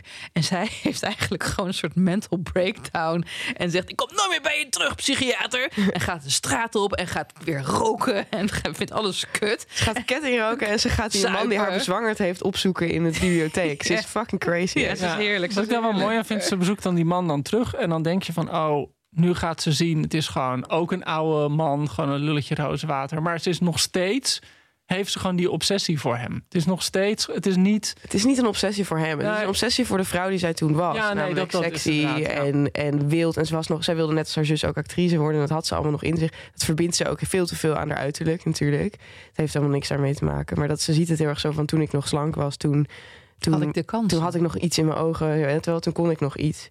Laten we naar de kinderen gaan. Dit is Marion. Ze krijgen dus vier kinderen. De oudste is Clem. En op het moment van deze 23 december woont hij al uit huis. Hij studeert iets met celbiologie of zo. En eh, Clem had... eh, kijk, dit zijn ook de laatste jaren van de... Van, van wanneer tot wanneer, Joost, was het eigenlijk de Vietnamoorlog precies? De Vietnamoorlog. De Amerikanen trekken zich terug uit Vietnam op 30 april 1975. Wow. Maar eigenlijk was de oorlog toen al... beetje- Ja, maar dat is dat hele beroemde moment... dat je die helikopters uit de, vanaf de ambassade in Saigon ziet vertrekken. Eigenlijk was hij voor die tijd, in 73, was hij al redelijk stilgelegd. Maar eigenlijk de Vietnamoorlog was in zijn heftigheid, zeg maar vanaf 64 werd het echt, echt foute boel. Tot en met ja, 71, 72, 73. Dus op het moment dat dit speelt, loopt die oorlog al echt een beetje op zijn einde. En zijn er echt al 50.000 Amerikaanse jongens Dood. De sfeer in Amerika is ook heel erg van dat is een foute oorlog. en die hele crossroads beweging. beschaamde oorlog. Ja, Allemaal is ook pacifistisch. Ja. Ja, ja, Met ja. name Russ, die dus ook op zijn zoon heeft overgebracht van eh, ongeveer het ergste wat je kunt doen is in een oorlog vechten. Dus Clem die heeft ook ge- geregeld dat hij mag studeren in plaats van dat hij eh, naar Vietnam werd gestuurd. Ook al zat hij heel erg hoog op de, dra- hoog op de draftlist. Nummer 19, dus Hij- dan word je eigenlijk wel Ja. uitgezonden. Hij was per definitie naar Vietnam gestuurd als hij niet een uitzondering had gekregen omdat hij dan studeerde. En eh, eh, dat was hij het allemaal helemaal mee eens. Hij stond eigenlijk aan de kant van zijn vader. Tot hij een soort, ook een soort inzinking krijgt. Omdat hij voor het eerst van zijn leven eh, verliefd wordt. En de he nou ja, verliefd, dat weet Nou ik ja, niet. Ja, of zich hij overgeeft aan de seksuele dingen die Ja. hij wil van zijn eerste vriendinnetje. Ja, maar niet alleen seksuele dingen. Ik bedoel, uiteindelijk is zijn vriendin die is heel links. Veel links dan hij. En eigenlijk hij leest alleen maar boze Franse feministen. een boos Frans feministen. En zij maakt op om te zeggen: ja, oké, maar eh, het feit dat jij niet hoeft te studeren. of dat jij niet hoeft te vechten in Vietnam. betekent dat iemand anders in jouw plek moet vechten. Ja. Dus je bent heel geprivilegeerd. En dat betekent voor Clem een hè, kruispunt. Dat hij denkt: oké, kan ik mezelf wel een goed mens noemen. als ik iemand anders mijn zware werk laat opknappen? Moet ik zelf niet gewoon naar Vietnam? Is dat niet. En ik ben zo'n goede student, ben ik niet. Nou ja, dat is weer heerlijk typisch Jonathan Franzen. Hij, hij, is, hij heeft de hersens, maar een ander probleem is... hij haalt onvoldoende omdat hij de hele dag door... alleen maar met deze Ja, Sharon neuken is- aan het neuken ja, hij is. echt- hij heeft het neuken ontdekt. Hij heeft het en, neuken en Hij ontdekt, gaat dus- het helemaal opnieuw uitvinden. He also enlists om zichzelf ja, de vernedering van van school gestuurd te besparen. Hij gaat gewoon zelf weg. Dus dat is ook weer heerlijk, dat dubbele. Dat ook zelfs de personages waarbij je denkt dat ze het juiste doen... Dubieuze motieven hebben van wat ze doen. Nou goed, en, en daar is Friendzone gewoon... Ik bedoel, op psychologisch niveau vind ik Friendzone bij, bij tijd eigenlijk echt ongeëvenaard. ja, Ja, dat, Dat die ja. personages beschrijft en je gaat helemaal mee in hun beredeneringen. En je ziet ze gewoon in alle overtuigingen van nu weet ik wat ik moet doen. Zie je ze de verkeerde beslissing Ja. Ja. En Je begrijpt het zo goed. je beschrijft Je zou zo het zelf goed wat er ook doen. misgaat. Ja, Ja, inderdaad. Je En- zou het en- zelf ook doen, maar je begrijpt wat een en, dom en plan in het die, is. in die, zeg maar, die hiërarchie van die vier kinderen heb je dus Clem, die is echt de oudste zoon. En ook wel een beetje het morele geweten. Weet je wel, dat is echt iemand die... Dan heb je bijvoorbeeld, eh, na hem eh, komt Becky. De Dochter, dat is, die is heel populair. En die, ja. die kijkt echt heel erg naar hem op. En heb je daaronder heb je nog eh, Perry en Judd. Judd. Ja. Hudson. Judson. Eh, en Perry is waanzinnig intelligent. Hij heeft een IQ van Getest. 170. ja.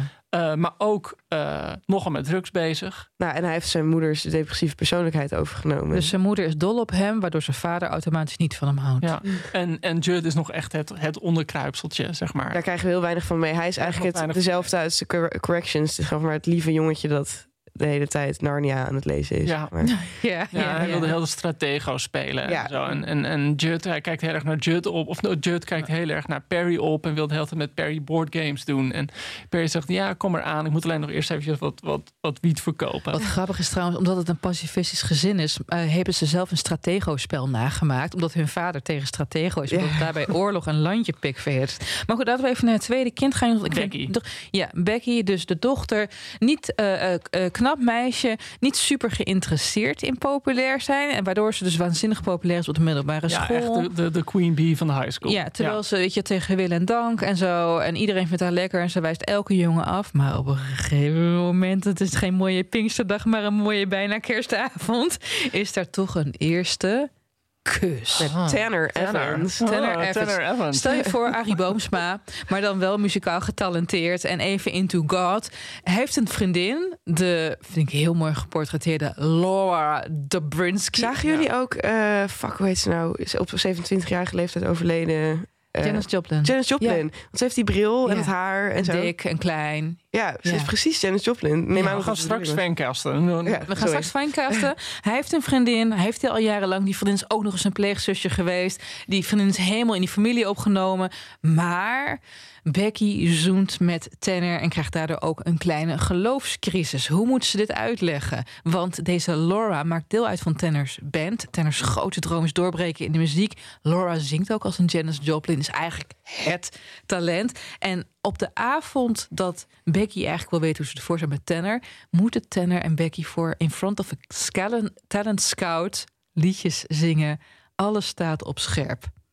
Wat ik heel goed gedaan vind in het personage van Becky, is haar populariteit. Oh, vertel. En hoe, Hoe dat goed, werkt. hoe goed ze snapt dat die eigen populariteit werkt. Niet alleen omdat ze heel goed uitlegt dat ze dan echt denkt van eigenlijk, zij gaat dus bij Crossroads omdat die tenor erbij zit. En eigenlijk is Crossroads nou niet per se iets wat populaire mensen doet, maar dan denkt ze nog bij zichzelf van wat een stunt is het dat ik als populairste persoon zo populair ben dat ik me kan veroorloven om bij Crossroads te gaan. dat Ze gaat, zij weet ook dat als ze een kamer inloopt, dat zij iedereen met wie zij praat eigenlijk een soort van kan zegenen. Ja, Eh, met haar door- populariteit. met Met haar maar wat, ik, wat ik heel mooi vind, dat, dat is heel expliciet. Maar het zit ook impliciet in haar gedrag. Wat ik bijvoorbeeld geweldig gedaan vind, is dat zij maakt langzaam maar zeker duidelijk aan die tenor dat ze hem gewoon heel leuk vindt. En dat er echt iets tussen haar is. En vervolgens doet hij niet wat ze wil. Namelijk gewoon meteen, bij wijze van spreken, op zijn knieën gaan. En hij- zij geeft hem, en dat, ja, ik bedoel, het wordt verder niet uitgelegd, maar instinctief gedraagt ze zich meteen als gewoon het populaire meisje dat wil krijgen wat ze wil. Namelijk door hem gewoon de cold shoulder te geven. Dan gaat hij bij de langs eh, waar ze werkt en dan negeert ze hem gewoon. Ze Zegt is maar, daar zo goed in. en ze is er zo Ze is goed 18, in. hoe weet ze Ja, dit? 18 en, en Oh. weet je, zij loopt gewoon, hij zit daar te smeken en zij loopt gewoon boos het restaurant uit. En hij gaat natuurlijk achter eraan. En dan hebben ze het moment dat gewoon instinctief weet dit meisje gewoon als geen ander hoe je je populariteit als een soort zweep kan gebruiken om iedereen precies in de houding te krijgen waar je ze wil hebben. Maar tegelijkertijd, en dan geef ik al een stukje weg van wat er gaat gebeuren. ehm, kijk, zij is altijd heel erg anti-drugs en anti-drank. En ze is populair genoeg om zich dat soort gedrag te kunnen permitteren. Maar op een gegeven moment breekt het nieuws uit dat zij met hem heeft gezoend. Ja. Iedereen kiest partij voor Laura zijn echte vriendin. En dan eh, besluit ze op een feestavond maar even een blootje mee te roken. Waardoor ze een soort van goddelijke openbaring krijgt. Die Dan de rest ziet ze van- God. Dan ziet ze God, waardoor de rest van haar leven bepaald wordt. Maar ik loop op de feiten vooruit en vooral op de personages vooruit. Want we hadden het net al even over de hoogbegaafde 15-jarige Mag ik, mag ik nog heel even, nog heel even terug? Nog Nee. heel even, ik wil gewoon heel Stop. even terug. Laat me gewoon Yo, even één Hij ding vindt gewoon. Becky zo leuk. Eh, ga. Wat vonden jullie van de relatie tussen eh, Becky en Clem? Heel vaag. Er wordt de hele tijd geïnsinueerd Ja, dat er meer is Ja. gebeurd tussen die twee dan zou moeten gebeuren je hebt, het broer en gevoel, zus. je hebt het gevoel dat er iets seksueels zit. Ja, Omdat hij gewoon, ja, eigenlijk schaamt hij zich. Die, die, die ehm, Clem heeft dus een vriendin. dat maar vindt eigenlijk- Becky heel kut. Daar is Eigenlijk, best scha- eigenlijk ja. schaamt hij zich ervoor dat zij niet zo knap is als Becky. Dat voelt hij aan alles. Zij is niet zo knap als hij Becky. vergelijkt haar mentaal de Hij hele tijd met vergelijkt zijn haar zusje. de hele tijd met Becky. Heerlijk. En Becky, hij komt dan terug en ze hebben een hele open relatie met elkaar. En heeft hij verteld dat hij seks met haar heeft. En Becky haat het dat haar broer seks heeft gehad. Ze kan dat kind gewoon niet uitstaan. En het hele idee dat hij daar ergens op campus een vriendinnetje heeft, trekt ze gewoon niet. En ik bedoel, het wordt verder niet, niet expliciet uitgebuit in het boek. Maar je hebt de hele idee van daar is gewoon. Ik vond het heel gedurfd. Ik vond het heel gedurfd. En er komt op een gegeven moment is er een soort van heel klein kort tussenzinnetje helemaal aan het einde als Becky Laura Dobrinsky gaat confronteren. En dat ze er dus achter komt dat eh, Laura voor Tanner ook een soort zusfiguur was. Dat, dat vindt ze nog het walgelijkste feit van hun hele samen zijn. Ja. En ik denk van ja, dat moet een soort schuldgevoel Ja, iets dat- zijn dat jij niet in jezelf, ja. aan het confronteren bent. Ja. Ook elke keer dat ze langs de lege kamer van Clem loopt, dat ze dan naar dat bed kijkt en daar heeft ze dan veel in geslapen, gewoon als broer en zus. Maar ja, je weet niet. Nou, grappig, grappig, want in een nog later klein bijzinnetje. Want het was dan gewoon dat zij haar hele hart ging uitstorten tegen Clem als jonger meisje. En dan viel ze in slaap op zijn bed. En dan, en dan werd ze wakker en zag ze hem op de grond naast zich slapen en zo. En later in het boek denkt Clem van ja, we waren vroeger best hecht. Zij mocht in mijn bed slapen en zij had er geen probleem mee dat ik dan op de grond sliep. Ja, maar daar zit zoveel achter. Zo goed. Ja. Nee, hele weirde relatie. Goed, we moeten even wat sneller er Ja, doorheen. Eh, Perry, niet Perry, uit. Perry. Dan heb je Perry. Laten we, Perry kan je ook meteen toevliegen aan de hand van. eh, voor mij was dit trouwens het moment dat ik echt, echt in het boek kwam.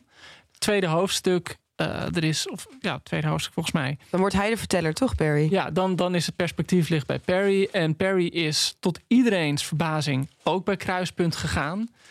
Eh Crossroads is gewoon bij Crossroads gegaan.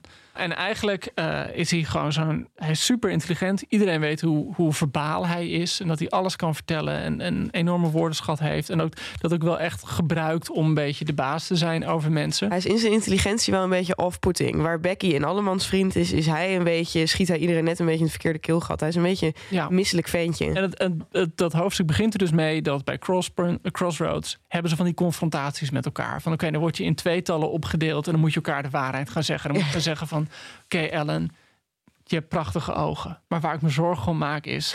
persoonlijkheid. Je persoonlijkheid. En dan zeggen, do I have permission to hug you? Ja, gewoon Ja, dat. Het is en trouwens die crossroads staal, jongens. ja, Dat is zo heerlijk afschuwelijk. Joost, vind je het goed als ik even mijn mening met je deel? Dat zou mij een heel fijn gevoel geven. ja, Ellen, eh, ik stel het zeer op prijs dat je me helpt om een beter mens te worden. En dat kunnen we alleen doen door eerlijk te zijn tegen elkaar. Ja, want ik zou het persoonlijk dan echt heel jammer vinden als we niet eerlijk konden zijn. Ja, en dat is dus de hele tijd doorgevoerd. Maar goed, het begint er dus mee dat eh, ze moeten namen trekken en hij trekt de naam van zijn zus. En dan hebben ze eigenlijk best wel een heftige confrontatie, omdat die zus gewoon de waarheid tegen hem zegt. En zegt van ja, moet je horen, ik ken je helemaal niet. Je bent gewoon alleen maar spelletjes aan het spelen. En ik weet heus wel dat je gewoon de hele dag aan, Aan dope- jezelf denkt. Ja, aan jezelf denkt. En gewoon drugs aan het gebruiken bent en drugs verkoopt. En niemand wil bij je in de buurt zijn. Omdat je je intelligentie gebruikt als een wapen. En eigenlijk is dat, hè, is dat, dat zeg maar de, de identiteitscrisis die, die eh, Perry meemaakt. Ja, die ligt daarna boek. echt totaal afgeslacht even op Ja. adem te gaan. Maar ik heb een vraag voor jullie. Want we kijken op zich wel in zijn hoofd op dat moment. En hij lijkt ook wel echt, deze confrontatie van zijn zus... eh, lijkt hem ook echt te raken. Hij beseft inderdaad dat hij, dat, er een, dat hij een afstand heeft gecreëerd... tot al- mensen om zich heen. Hij besluit dan ook om zijn leven te beteren. Hij gaat zijn drugs weer terugverkopen. En hij gaat het allemaal anders doen. Hij gaat Koopt een heel zijn mooi kerstcadeau voor de broertje. Ja, voor zijn jongere Zo, broertje. ja. De enige van wie hij arguably echt ja, houdt. dat- ja. Ehm, maar meende hij dat? Ik, heb, ik had echt het idee, later in het boek... dat ook wij door hem geflest waren. Door die hele die voornemens van hem. Dat zou best wel kunnen. Maar eh, wat ik wel oprecht interessant is die hele twijfel van ben ik goed of slecht als ik aan mezelf denk. Ja, dat hebben ze allemaal. Maar al zijn daden, nee, maar hij worstelt daar het meeste mee van iedereen. Maar al zijn daden zijn uiteindelijk het meest egoïstisch. Ja, wat, wat heel mooi wordt beschreven is dat hij dan voor het eerst bij eh, Crossroads gaat. En dan is er zo'n moment dat je midden in de groep moet staan en dat iedereen dan gaat vertellen over wat ze van je voelen. En dat hij daar helemaal van geniet. Dat iedereen ook nare dingen over hem zegt, maar dat hij wel gewoon zo geniet van in het centrum van die aandacht staan. Als een geaaid dier. Ja, dat hij zich ook gewoon voor het eerst zeg maar, kan meten met zijn zus qua aandacht en populariteit. En dat, hij, dat, hij, dat dat gewoon zijn streven is. Hij ontdekt bij zichzelf. Het is denk ik het personage dat, dat het meest moet huilen in het boek. Hij ontdekt gewoon, ja, als je maar gaat huilen, dan gaan mensen je aaien. En dan gaan mensen zeggen, komt wel goed. En, en dus ongeveer elk hoofdstuk waarin eh, je hebt steeds, elk hoofdstuk heeft steeds het perspectief van een van de gezinsleden. En elk hoofdstuk ongeveer met eh, Perry eindigt ermee dat hij in tranen is, bijvoorbeeld. Ja. Ja. ja, maar hij, kijk, hij is 15, dus hij opereert natuurlijk ook echt in een heel frenzied eh, headspace. Ehm, maar hij is ook gewoon, hij manipuleert iedereen om zich heen. Dus ik zit dus de hele tijd te twijfelen van, heb ik medelijden met hem, hou ik van hem? Omdat hij een puber is met een vader die niet van hem houdt, een moeder die eigenlijk net zo gek is als hij, Maar Eh, wel van hem houdt. waar wel Ja, van hem houdt. Maar wat ja, is de hij is wel echt dol, het- ja, is- Maar wat is de liefde van Marion waard op het moment dat zij zelf zo ongelukkig is? Dat denk ik ook dat Perry heeft dat gewoon door. Dat, dat het is niet zij, hij en zij samen tegen de rest van de Nee, wereld. want- of zo. want dat- zij is dat- ook dat- fundamenteel Daar zit het heel eenzaam. pijnlijks in. Hij komt thuis, eh, of hij wordt opgehaald door zijn moeder, want hij is dronken op een feestje geworden. Eh, en opeens gaat zijn moeder roken, wat heel grappig is Dat trouwens. ze al 30 jaar niet Wat heeft ze al gedaan. 30 jaar niet heeft En gedaan. begint te drinken. En dan Ja. opeens snapt hij van wacht, ik kan nu opbiechten dat ik gewoon drugs gebruik en verkoop en ermee wegkomen. Dus het is oh, gewoon op dat moment van haar kwetsbaarheid en dat zij zo'n open en eerlijk moment met elkaar hebben, snapt hij meteen wacht, dit moet ik in mijn voordeel gebruiken. Ja, dat, is- dat is toch precies. Ik kon hem maar niet plaatsen daardoor, want ik vond hem heel diep sympathiek. Maar dan op een gegeven moment, ik begreep wel wat Becky over hem te zeggen heeft. Namelijk gewoon, hij is echt wel een manipulatief slangetje, deze jongen. Ja. Een snack. Ja, maar goed, ik vond hem wel leuker dan Clem of zo. Want ik Clem, Ja, ik. Clem die gewoon in, het, in, de, in de voetsporen van zijn vader wil treden... door altijd maar het juiste in de ogen van God te doen. Oh, oh, oh, oh, mag ik wel seks hebben als het slecht is voor mijn cijfers? En ik denk van, wat ben je een ontzettende nerd. je weet wel. Ik wil dan liever Perry, die gewoon een slecht mens is. Oh, horen jullie dat? Oh, Ik hoor een vraag. een vraag. We hebben Merel niet bij ons, dus nu eh, Moeten we het zelf moesten, moesten we het zelf doen. We hebben inderdaad een vraag binnengekregen. Deze keer niet over de inhoud, maar over eh, de aankleding. Deze vraag komt van eh, Mart. En die vraagt aan ons: hoe managen jullie je boekenkast? Hoe zorgen jullie dat je huis niet overloopt van de boeken? En hoe vinden jullie je boeken terug? Staan ze op auteur, taal of thema? Zelf heb ik bepaalde aankoopregels om mezelf in toom te houden. En orden ik mijn boeken op kleur. En dat doe ik al van voor de Instagram-hype. Oké, Mart, je krijgt de credits van dat je dit. Ja, jij hebt de Instagram hype. Heb jij, jij bent de, Jij was vast de allereerste de ooit die OG. boeken op Ja. Maar dan fucking aardig tegen Mart. Hij Oh, heeft Mart. de moeite genomen om Oh. iets te vragen en Sorry, iets te delen. What the fuck? Hi Mart. Hey Mart. Negeer die andere twee slangen die hier zitten. Weet je, ik heb mijn boekenkast ingedeeld op geheugen. Ik, eh, ik ben te slordig om het op alfabet te doen. En trouwens ook om het op kleur te doen. En ik weet meestal wel waar alles ligt. Behalve nu ik in een verhuizing zit. En om op die andere vraag, hoe schrift je? Eh, ik krijg heel veel, net zoals jij Joost, kijk jou even aan, heel veel recensie. Ja. Oh jij ook waarschijnlijk als Charlotte. Inmiddels wel, ja. Ja, veel recensie-exemplaren opgestuurd. En kijk, in mijn omgeving heb je allemaal van die boekenkastjes. Weet je wel? Weet je wel, buurtbibliotheekjes. Nou, dan heb ik de afgelopen jaren... Dat je Het is ook denkt, wel very crossroads eigenlijk, zo'n It's deel. very crossroads. Maar dan heb ik de nodige eerste drukken en dergelijke. En boeken die ik dubbel gekregen heb, gewoon ingedaan. Ik geef veel weg aan leerlingen en zo. Maar ik moet mijzelf ook in toom houden. En mijn grote oplossing, en waarschijnlijk eh, wordt het ook de oplossing voor de komende jaren, gezien het grote papiertekort, waar vooral de boekenwereld Ja, echt mee kampt. ja. De e-reader. Nou ja, wat, eh, Mart, eh, net als Ellen ben ik ook aan het verhuizen. Ik ga niet samenwonen trouwens. Joost, waarom gaan we niet samenwonen? Oh, Zo gezellig. Dat betekent inderdaad dat ik ook allemaal boeken... En ik heb mijn boeken... ik heb dan ja, gewoon geschiedenis heb ik op tijdsvak. En dan heb ik een onderscheid tussen Nederlandse fictie in één kast. En dan heb ik één kast met vertaalde fictie. Oh my god. En dat Ja. is gewoon door elkaar heen, maar gewoon op, wel op wat mooi Gewoon door elkaar heen, kun Ja. je dat aan? Ja, ja, maar gewoon op wel, maar je moet het zien. Want het is dan wel dat zeg maar de mooie boeken naast elkaar staan. Dus ik heb dat wel eh, precies gedaan. En dan heb ik eh, Engels en Amerikaanse fictie heb ik ja niet door elkaar heen staan, maar er zit een logica in die denk ik alleen ik snap. Want er staat dan op auteurs waarvan ik vind dat ze bij elkaar horen. Oh. Thematisch? Ja, dus een beetje thematisch Ah, als het ware. slim. En, en eh, ja, goed. En, en die shifting, nou, net als, eh, als Ellie, heb ik die ook. Moet je die de hele tijd maken? Ik, ben, ik weet niet wat jij gaat doen, maar nu ik aan het verhuizen ben, heb ik dus echt alweer 15, 20 Albert Heijn tassen met boeken waarvan ik denk, ja, die Nou, ga ik niet meenemen. Ik, heb, ik ben ze heel snikkie over alle buurtpiepjes in mijn buurt aan het verdelen. Maar ook, ik, ik woon nu nog vlakbij het Metis Montessori Lyceum. Dus ik heb gebeld. Ik zei van, eh, hebben jullie nog dingen nodig voor je biep? Dus ik mag binnenkort daar ook Oh, even wat een goed, hele wat berg. Ik vind weggooien zo zonde. Ja. Maar jij dan Charlotte? Want jij bent nu langzaam een boekcollectie aan het aanleggen. Van heb ik jou daar? Ja, maar dit is natuurlijk als niet zo groot als wat jullie Ja, hebben. maar ik heb ja. dat laatst... Charlotte, laatst Charlotte heeft bijna de eerste Billy vol.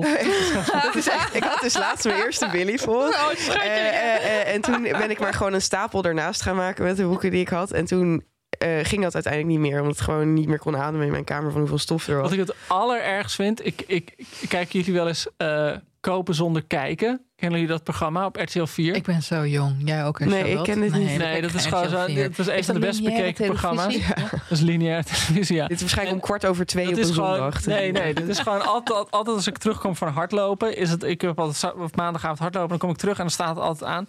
En ehm, dat dan gaat Martijn Krabbe een huis kopen voor mensen die geen huis kunnen vinden. Hij is echt de laatste persoon die ik in huis Ja, en die huizen zien er, gaan ze dan helemaal meer weer dingen gaan ze allemaal niet- stylen en dat is dan vreselijk gestyled.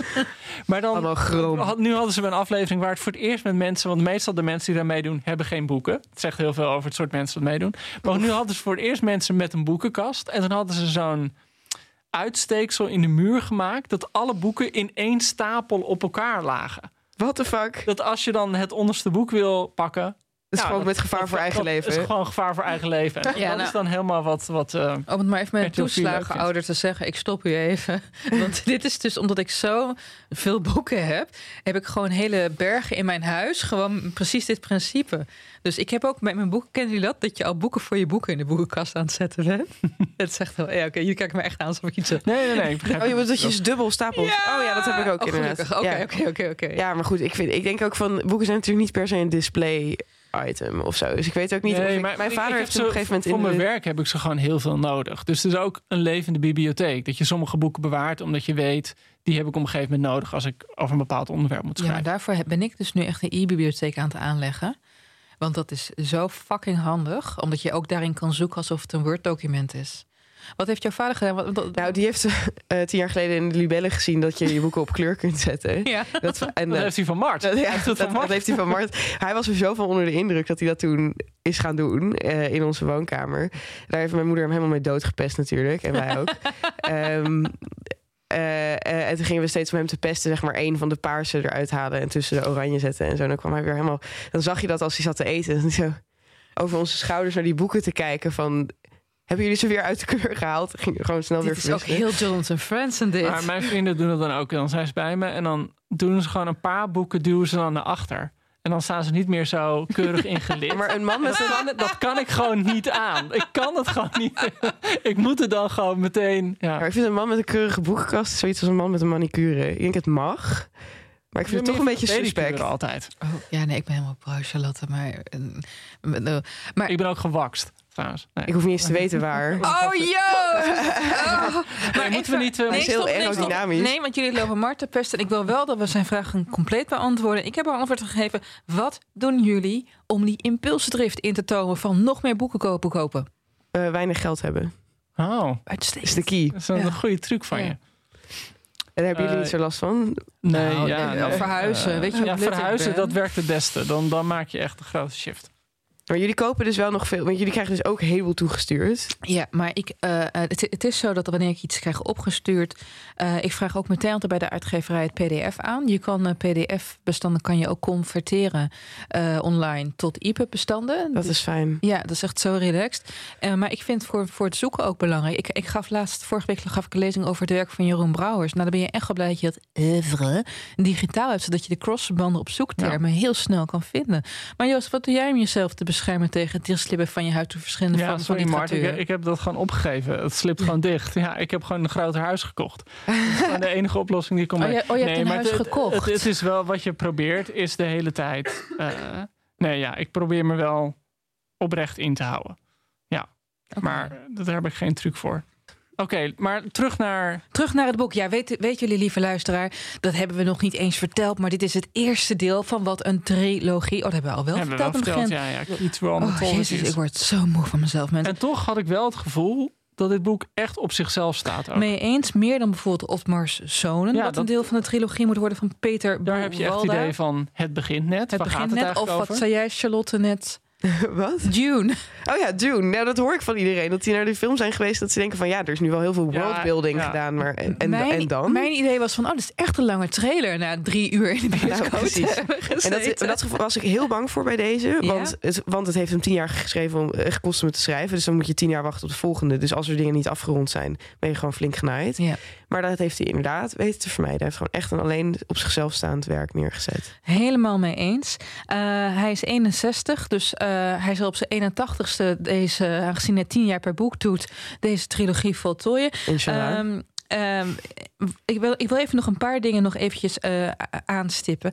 Eh, omdat dit een groot boek is. En we zijn echt veel tijd ook kwijt geweest, deze podcast, aan het eigenlijk inleiden van het werk van Friends. En eigenlijk alleen al de personages. Want het is een par- echt een personage gedreven roman. Ehm, eigenlijk, en zeg jullie maar of jullie het ermee eens zijn of niet, is voor mij de kern van dit boek. Mensen haten zichzelf doordat ze andere mensen haten. Terwijl ze van die mensen eigenlijk zouden moeten houden. En gaan dus maar in God geloven om een vorm van absolutie te krijgen. En uit schuldgevoel geven ze vervolgens niet meer toe aan het egoïsme waarnaar ze eigenlijk hun leven willen laten leiden. Wat op de lange termijn weer heel goed is voor de samenleving. Ja, ja. I guess. Ik heb me heel veel afgevraagd over de rol van God in deze roman. Zeker om, als je het vergelijkt met de corrections, waar mensen dus eigenlijk goddeloos in zijn. ja. Het is Ja. niet heel, anders. En, Ja, het is, Ja. zijn de mensen nou fundamenteel anders omdat ze God in hun leven hebben? Ja, want ze hebben eh, een manier om hun gedachten te richten. Eigenlijk alle vijf zijn op zoek naar God. Ze vinden hem allemaal op een andere manier. Je weet wel, Rust die gaat steeds meer van God houden als hij van vrouwen houdt. Perry die denkt op een gegeven moment dat hij zelf God is. Dat is gewoon, ze, dat ze hebben iets om hun gedachten omheen te bouwen. Maar, maar zijn ze nou gered? Zijn ze nou, Nee. Hebben ze dat absoluut? Nou, dus gek genoeg deed, deed mij dit boek af en toe ook gewoon aan Sally Rooney denken. Omdat die personages ook heel erg met die vraag stellen van hoe ben ik nou een goed mens? Alleen die hebben geen god. nee. Precies. En- en dat Nou, is gewoon echt- Simon is Ja, katholiek. Simon is die is dan ook de enige En dat een is soort Ja, de enige die een soort van eh, stabiel is. Dus, dus dat vond ik heel grappig. Waar het boek volgens mij ook heel erg om gaat, zoals, zoals alle grote familieromans natuurlijk, is ook de onkenbaarheid van de ander. Dat is Het idee dat je al- me- met elkaar onder één eh, dak eh, woont. En dat je toch gewoon allemaal ideeën hebt over hoe je kinderen zijn, hoe je vrouw is, hoe je partner is. En- maar dat je het uiteindelijk nooit echt weet. En een andere pijler is natuurlijk dat die personages constant zijn overgeleverd aan allereerst het verschil tussen wat je wilde en wat het leven je gaf. En ten tweede, wanneer er personages zijn die uiteindelijk krijgen wat ze willen. En ze krijgen op hun manier alles wat ze willen. Maar daar worden ze niet beter van. Nee, De- dat is wel grappig eigenlijk. iedereen Eigenlijk- krijgt wat hij wil. Eigenlijk is dat het probleem ook van alle Ja. personages. Alle, pro- ja, de problemen in het boek ontstaan omdat ze iets willen. Dat krijgen ze. En vervolgens is het niet wat ze denken dat het is. Nee, of is- geeft Oh, het, geeft het niet de rest, eh, de rust die ze denken. Maar dan, wat is dan de wel de... Wie heeft dan wel rust in, in deze roman? Is er Nou, dat is iemand? de- de- Tanner Evans, ja, maar die is gewoon dom. Nee, nee die, is, die is ook ongelukkig, want hij had een veel grotere carrière gewild. Maar dit is de menselijke conditie die Friends een keer op keer in zijn werk probeert te tonen. We zijn gewoon gedoemd om rusteloos te zijn en ongelukkig. En wat ik heel, wat, wat, wat- waar dat heel, waardoor dat heel concreet wordt gemaakt in deze roman, is bij dat taalgebruikje van Crossroads, weet je wel, die halve Ja. Pinkstergemeente. Het is een soort akelig, passief-agressieve taal die eigenlijk alleen op de korte termijn werkt. Maar de onderliggende problemen niet verhelpt. Het is op zo'n manier praten dat je, nou, we zijn wel oké. Drie dagen later weet je, we zijn eigenlijk niet oké. Het is constant amper, een ampel bloekje. Bloekje. Amp, ampel broekje. Ampel, doekje voor het bloeden. Het is Maar grappig als je, dat je Rooney erbij haalt. Want eigenlijk, zij zegt eh, van... eh, Oké, er, is, er is geen grotere belofte dan alleen de liefde die je kunt voelen met een mens. En, en eigenlijk zelfs in dit, in dit boek is dat zelfs van de kaart of zo. Want in Crossroads zegt ze dat het, het gaat over de menselijke relaties, toch? Je, kunt, je moet met iemand dan een partner zijn en zeggen van... ik vind dit van jou, jij vindt het van mij... en dan ben je allebei beter. Maar het is duidelijk heel leeg. Nou, maar En je kunt elkaar niet kennen. Nee, maar het, het is het idee natuurlijk dat je dat ze, ze vragen een paar keer letterlijk van wat is God nou? En dan zeggen ze ja, God is de relatie met andere mensen. Maar dat vindt Russ, maar dat is vooral omdat dat hij... Ja, want heel niet. Omdat hij heel iedereen- zelffeliciterend is, omdat hij dan vri- bevriend is met een zwarte priester en met een Navajo. En dat vindt hij dan gewoon dat hij daardoor een heel goed mens is. Zullen wij even fancasten trouwens? fancasten? Even, want, want Ja. dit gaat uiteraard verfilmd worden. We Ja, hebben dat- natuurlijk even van tevoren nagedacht Het wie grappige is, moet van de spelen. Corrections hebben ze een keer geprobeerd. Of ik weet niet meer of nou de Waarom is dat Corrections... niet verfilmd? Of van Freedom hebben ze een keer een, een heeft HBO een pilot gemaakt met echt alleen maar topacteurs. Die pilot kostte geloof ik 20 miljoen. Noah Baumbach regisseerde ze. En toen hebben ze gezegd, ja, we doen het toch maar niet. Maar waarom? Heel raar. Het is, lijkt mij heel verseriebaar. Nou, zeker met, met Crossroads meer nog dan die andere werken. Dat je denkt, ja, dit kan je gewoon zo goed verfilmen. Oké, Vooral een fancast. serie, vooral Netflix. Fancast. Russ. Pater Familias. Ik dacht Jonathan Franzen zelf. Net Ja, zoals had ik ook- Joost. had ik Hij ook ziet er even precies gekeken. zo uit Hij ziet er precies zo uit. Totaal. Ja, Nou. John's Fans is niet knap genoeg. Nee, ik vind Jonathan Franzen vind ik heel. Weet je, je hebt mensen die echt je type zijn. En je hebt mensen die echt niet je type zijn. En dat is Jonathan Franzen met die rare wipneus. En die oneindige snotlepel. Ik had ook nog twee andere voor Marion en Ross. Oh, Marion en Russ, moet ik zeggen. Oké. Eh, Sylvia Witteman en Philip de Mark. Dat vind ik ook een heel goed idee. Dat vind ik heel goed idee. Zo, ja, mij zag ik hem gewoon helemaal, zag hem helemaal voor me. Ah, maar in dat geval ben ik Becky, dus ik ben op zich wel tevreden. Ja, maar goed. Nee, eh, eh. Russ, luister even mensen. Russ, een jonge Robert Redford dacht ik ook nog. Weet je wel, duf, maar leuk. Voor Rick, de jeugdjager Frank Zappa. Want zwarte snor, Ja, zwarte ja. ogen. Nou, ja. Maar hij is pas 25, hè, Rick Ja, hij is heel jong, is het. Frank Het is denk ik eerder, ja, een van die Jonas Brothers. Oh ja! Wat vreselijk. Ja, ja. Ja, Nick Jonas natuurlijk. Gewoon met van die gasten met een te aardig gezicht. Zo'n Ja. gezicht dat je alleen maar wil slaan. Ja, ja. Hier heb je een vork in je oog. Maar de Jonas Brothers die waren ook echt... eh, die, En waren, chastity rings. die hadden promise rings. Zo van, ik ga, dat is echt precies zoals Rick Ambrose is inderdaad. Heerlijk. Hey, Francis dacht ik aan Maya Farrow. Actrice uit Rosemary's Baby. Ja, dat scherpe Oh. gezichtje dat ze Ja, en- beschrijft en dat inderdaad. jongens- Jongensachtig een blonde haar. beetje. Ja, ik zat aan Marion Cotillard te denken, maar die is Oh, misschien... ja, niet goeie. Amerikaans genoeg. Ja, ja. eh, het is natuurlijk wel heel Amerikaans om te zien, Francis. Ik heb net June gezien, dus Rebecca Ferguson zit gewoon heel goed. Ik ben zo Rebecca verliefd op Rebecca Ferguson. Ik, kan het niet aan. Ja. Maar goed, ehm, Marion. Wie gaan wij daar? Want ik dacht, eh, ja, Joost kent het wel. Jij misschien niet, Charlotte. De tv-serie Comedy Happy Days. Nee. Ik dacht aan de moeder Marion, maar dan wat dikker. Oh, Nee, dus. dan moet ik aan, even eh, eventjes voor de geest halen hoor. Dat is, Of eh, Charlotte Rampling. Oh, ik heb nog voor Russ nog eentje bedacht. Ehm, hoe heet ook weer die gast die MacGyver speelde? Ja, Richard Dean Richard Anderson. Dean Anderson, die zou goed kunnen. Ja, Ja. oh ja, inderdaad. Maar goed, Marion. Wie hadden we voor Marion? Ja, Charlotte Rampling vond ik misschien een goeie. Ja, maar toch wel echt dan heel veel jonger. Oké. Want die is wel Ja. denk ik 80 inmiddels. Ja, maar luister, met, in onze fancast mogen we zelf bepalen Oh ja, hoe oud Ja, mensen moet je wel een jaar bij geven. Wie had jij bedacht voor? Eh, eh, Sarah Paulson. Eh, Oh, ja, zij dat is super. goeie, Zij kan zich ook in. Zij heeft ik vooral in haar rol in eh, eh, versus... American Crime Story Oh, ja. eh, over Monica Lewinsky. Daar Ja. speelt zij eh, Linda Tripp. Ja, dat is geweldig. En daarin is ze ook heel overtuigend in een vetsuit gehezen. Daarom dacht ik ook aan, dan kan ze allebei Marion in beide stadia spelen. Ik vind haar ook gewoon een geweldige All-American actrice. Ook in American. Horror Story. Ja, fantastisch. Nailed, hebben- nailed. Wie doen we klem? Eh, Clem had ik Richie Cunningham, oftewel Ron Howard uit Happy Days. Dat zeg je niet niks. Ik had Michael Cera. Ja, de- Ja. jij zei dat Michael Sarah uit Superbad en zo. Die En hele Scott Pilgrim Scott versus the Pilgrim. En World. jij zei dat. Want hij wil het zo goed doen, maar hij is zo'n sukkel. Ehm, ik, weet- ik heb een grote voorliefde voor Michael Cera. Dus ik vind hem ook wel... eh, ik, eh, mijn moeilijkste is eigenlijk Perry. Want ik, ik zat meteen te denken aan Timothy Chalamet. Oh, alsjeblieft niet. Ik ben echt bang dat jullie... Oké, Elke ik had voor Perry had ik Frenkie de Jong in gedachten. Oh, ja, maar die is natuurlijk veel te fri- fris. Ja, Veel maar- te gezond, ja. Perry komt gewoon heel vrolijk en vriendelijk over. Van zo'n zo'n klein jongetje waar je... Weet jullie nog wie eh, Robin of the Vale speelde in Game of Thrones? Dat jongetje wat op zijn twaalfde nog aan borstvoeding... Oh, ja, ja. eh, je oh my god. Ik heb dit nooit gezien. Nee, oh. oh want ik wilde voor Becky wilde ik ook Sophie Thurn- Turner uit eh, Game of Thrones Ja, voorstellen. Oh ja, vind ik echt is- een perfecte. Hij heeft een heel populair gezicht. Ja. een populair, populair gezicht, gezicht, ja. ja. Oké, ehm, jongens, dan, dan gaan we eigenlijk heel langzaam richting ja, een afsluiting Ja. en het voorlopig geven van een cijfer. Over dat cijfer, misschien ook leuk om te vermelden. Dit boek is echt lyrisch ontvangen overal en in Nederland ook.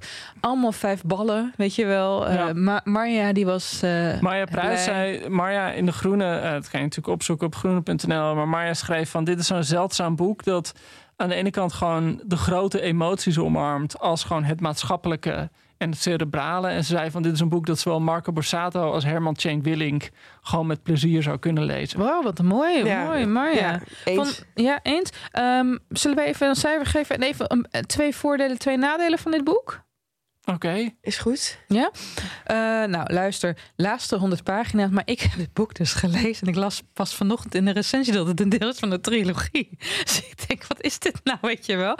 Dat met die Navajo's. Wat? Je vond het, dat deel niet... Nee, ik vond het deel dat het, het, het, het eh, Pasen-gedeelte, dan, het voelde zo geforceerd dat alles rond moest komen, maar nu.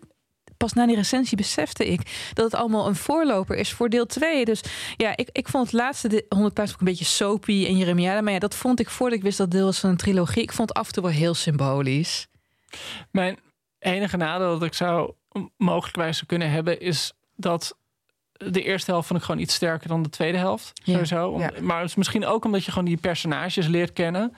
En ja, ik, ik was dat wel echt verrukt te lezen. Dus Ik kon het niet dat ik echt dacht van wauw, dat, je, Ja? je kan gewoon niet wachten. Je ziet al die botsingen tussen die personages. Je ziet elke keer, elk hoofdstuk met een nieuw perspectief zie je die personages ook weer op een andere manier. Dat vond ik echt foutloos gedaan. En er wordt wel gezegd, of nou, eh, voor zover de kritiek is, wordt gezegd van, oh, is het niet een conventionele roman of is het niet een mainstream roman? Maar dat je echt denkt, was dit de mainstream maar? Was deze kwaliteit maar het gemiddelde? Dan was literatuur onverslaanbaar geweest. Ja, want die Het stijl... enige, het enige wat ik dan wil zeggen, inderdaad, dat al vergelijk je de stijl van dit boek met eh, De corrections. dat was gewoon veel, eh, ja, veel meer met een krul, veel meer met een metafoor, gewoon veel gezochter en, en bloemrijk en poëtischer. En hier is de stijl gewoon, ja, nou, ik zal niet zeggen simpel, maar wel gewoon kordaat. Het is minder... Hemingway is het eigenlijk. Nou, het is niet, Mm. niet Hemingway. Nee, sorry. Maar nee, Hemingway is echt nog veel, veel kaler. En Nee, oké, maar hij heeft is- wel duidelijk een soort soberheid. Ja, ik vond, ja. want ik vond het verlies vergeleken met Corrections, vond ik dat het gewoon niet grappig genoeg was. Wat? Er zit wel humor in. Ja, maar corrections was echt een klucht. En dat is dit Ja. niet. Ja. Dus, In oké, In de corrections, voor de mensen die het niet gelezen hebben, zit een scène waarin je langzaam doorkrijgt dat die vader eh, van de familie een soort van toeval heeft. En hij is dement aan het worden. En dat wordt verteld vanuit een drol. En langzaam snap je dat er die drol gewoon door een hele kamer op de muur aan het smeren is. ja, en de eerste keer dat we Chip ontmoeten, heeft hij een stuk zalm in zijn broek zitten. Oh ja. Dus dit soort, Oh dit soort dingen God, die zijn dan net iets minder geloofwaardig dan dit boek misschien is. Ja, maar maar- dat boek was gewoon grotesker. En dit is ja, het, was, het, het is toch een beetje, eh, een beetje nou ja, bijna gelovig in de, zijn soberheid. Dat is mijn enige opmerking. Dus ik vond het niet zo grappig. Ja. En, oh trouwens, ik vond inderdaad, ik vond ook net een beetje ongeloofwaardig hoe goed iedereen zich kan uitdrukken tegen elkaar. Dat ja, dat is eerder al. verbluffend hoe Want er- verbaal iedereen is. En ze zijn zo, ze praten in extreme volzinnen. Ook de kinderen van 18, 15 en 21 tegen elkaar ook. Alsof er volwassenen aan het luisteren zijn. Eh, en ik denk dat dat ook is dat bijna hij zich misschien niet meer kan herinneren wat nou precies de slang was in die tijd of zo.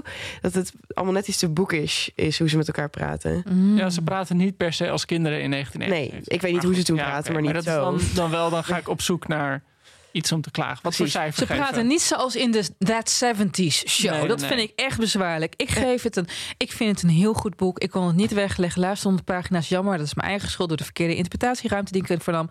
Ik geef het een 8,5. Eh, ja, het boek kreeg vijf sterren van Thomas de Veen in de NRC. En het kreeg vijf sterren in de Volksstand van Hans Bouwman. En daar ben ik het wel echt mee eens. Ik geef het echt een 9,5. Ja, ik heb het commentaar gekregen dat ik veel te vrijgevig ben met cijfers die ik geef. Ik Maar geef nu een 6. in mijn eigen verdediging vind ik, ben ik gewoon echt heel enthousiast over de dingen die we hier lezen. Maar je moet ook bedenken, eh, luisteraar, dat we gewoon hier boeken bespreken die wij interessant denken te gaan vinden van tevoren. Dus Ja. dan heb je sowieso dat je al misschien hogere cijfers geeft. Nou ja, maar Rooney moesten we wel. Deze moesten we ook. Dus ik stond echt, was echt klaar om kritisch te zijn. Maar ik heb gewoon nog nooit zo lekker gelezen. Dus ik gewoon weer een 10. Oh, echt? Nou, Ja. het is een 9,3. Lekker, lekker eh, Ik Friends. ga nog één keer. eh, ik ga- 9,5. Oh, en trouwens voor mensen die hebben geluisterd en nu denken Nee, niet- van... nee, ja. We hebben fucking veel samengevat en we hebben heel veel Nee, inhoud is gespoild. Echt maar We zijn echt shit. nog lang niet klaar met... 9,3 Joost. 9,3. Ik heb een goed. staartdeling gemaakt. Nee, maar, we, Maar... Staartdeling, holy shit, dat kon ik op school al niet. In ieder geval, dus eh, mensen die het nog willen lezen, ga vooral je gang. Ja. Het is echt, eh, vooral ook stilistisch, een beetje kritisch op hoe sober het was, maar het is echt heel erg mooi. Tip van de sluier. We hebben maar een tip van de sluier gegeven. En het is echt grappig. En dat cringe is zo heerlijk om te doen. Ja, Het is echt heel fijn. Goed, jongens. Oké, we zijn er snel weer. bedankt voor het luisteren. Tot volgende week. Ja, rate ons in eh, de app. Moeten we geloof ik altijd Ja, geef ons inderdaad sterren en recensies. Ja, word abonnee Ehm, van de Groene Amsterdammer. Mochten jullie nog vragen hebben. En we zijn natuurlijk niet altijd even gemeen als we net voor Mart waren. Eh, kun helemaal je- niet gemeen voor Mark. Jullie waren echt gemeen ik was een beetje, voor Mart. een Ik beetje kritisch op eh, eh, mannen met boeken op kleur, maar dat komt door mijn vader. Ehm, dus mail ons of eh, stuur ons een DM op eh @boekenfm. Oké, en bedankt voor je vraag, Mart. Team Mart. Tot volgende week. Doei.